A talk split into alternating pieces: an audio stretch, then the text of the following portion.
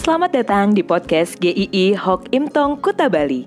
Penginjil Ray Reginaldi akan membagikan renungan harian singkat untuk membawa Anda mengenal dan menyembah Tuhan Yesus, bertumbuh dan menjadi murid Kristus, serta berdampak untuk banyak orang.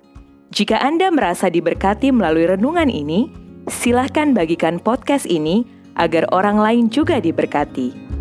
Inilah renungan hari ini.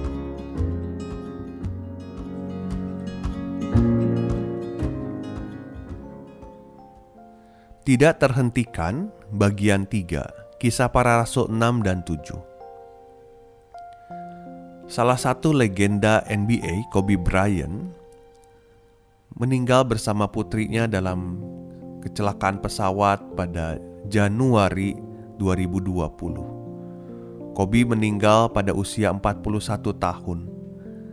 Banyak berita-berita mengucapkan ucapan bela sungkawa yang disertai kebanyakan dengan kalimat "gon tusun". Terlalu cepat pergi. Dalam usia 41 tahun, dia masih digolongkan cukup muda. Mungkin masih banyak karya yang bisa dilakukan. Kalau kita memikirkan tentang itu, apakah kehidupan Stefanus juga seperti itu? Ada sumber yang mencatat bahwa Stefanus mati di usia 29 tahun. Kita tidak tahu apakah ini akurat, tetapi kemungkinan besar dia memang masih muda ketika dia mati di rajam itu. Karena dia menyebutkan orang-orang menghakimi ada saudara-saudara dan bapak-bapak. Stefanus seorang yang penuh potensi, karunianya memberkati banyak orang. Dia orang yang setia melayani orang miskin juga Bayangkan kalau dia hidup lebih lama, pasti gereja lebih terberkati, bukan? Masa depan gereja akan lebih cerah mungkin. Maka itu adalah sebuah kehilangan besar buat gereja mula-mula ketika seorang diakennya mati martir. Tetapi apakah dia gontusun terlalu cepat waktunya sayang sekali. Namun kita bisa melihat justru di dalam hidupnya dan setelah dia mati. Kesaksian itu begitu besar. Ada empat hal kira-kira yang kita bisa lihat di dalam bagian firman Tuhan. Ada perjalanan penginjilan dari Filipus ke Samaria, menginjili sida-sida Ethiopia. Ada pertobatan Saulus yang saat Stefanus dirajam dia ada di sana. Mungkin dia menyaksikan kok ada orang yang masih muda, tetap teguh dalam iman. Siapa yang dia percaya? Dan akhirnya Tuhan menjumpai Paulus di dua pasal selanjutnya itu. Kemudian ada perjalanan misi Petrus kepada orang-orang yang bukan Yahudi. Kemudian ada cikal bakal berdiri gereja Antioquia dari orang-orang yang tersebar karena penganiayaan dampak kematian Stefanus menjadi ledakan penginjilan. Dia memang mati di usia muda, tetapi bukan mati yang sia-sia. Kuasa Roh Kudus tidak terhentikan, walaupun nyawa Stefanus melayang.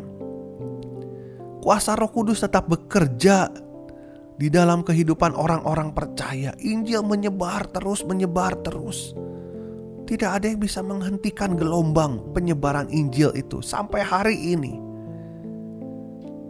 ancaman, aniaya, kesulitan di sepanjang sejarah kekristenan itu selalu ada. Bahkan ada yang mengerikan, tetapi tidak pernah bisa satu orang pun menutup pergerakan Roh Kudus yang selalu menuntun anak-anak Tuhan untuk terus memberitakan Injil menjadi kesaksian. Maka mari kita juga jangan meminimalkan dampak yang bisa kita berikan di dalam kehidupan kita sebagai orang Kristen. Sekecil apa pun yang kita rasa, kita tidak pernah tahu Allah Roh Kudus bisa memakainya seperti apa. Maka apa yang kita lihat juga dari Stefanus, cara hidup dan cara matinya seperti Kristus. Dia hidup seperti Kristus, dia bicara seperti Kristus, dia mati seperti Kristus. Ada yang menulis begini, Stefanus adalah seorang yang jantungnya berdetak bersama Kristus sampai akhir. Stefanus adalah orang biasa yang hidup dengan cara luar biasa karena dia mengikuti pimpinan Roh Kudus. Maka Roma 14 ayat 8 mengingatkan kita, sebab jika kita hidup, kita hidup untuk Tuhan. Dan jika kita mati, kita mati untuk Tuhan. Jadi baik hidup atau mati, kita adalah milik Tuhan. Kita adalah kepunyaan Tuhan. Karena Kristus telah memberikan kita kehidupan yang baru di dalam Dia. Supaya kita hidup, kita bicara, kita mati juga seperti Kristus. Biarlah jantung kita juga terus berdetak bersama Kristus di setiap langkah kita. Maka saya mau simpulkan dari tiga hari ini dalam satu kalimat. Orang yang dipenuhi roh kudus tidak akan bisa terhentikan untuk tetap menyaksikan akan Kristus sebesar apa pun resikonya. Sampai jumpa di episode selanjutnya. Tuhan memberkati.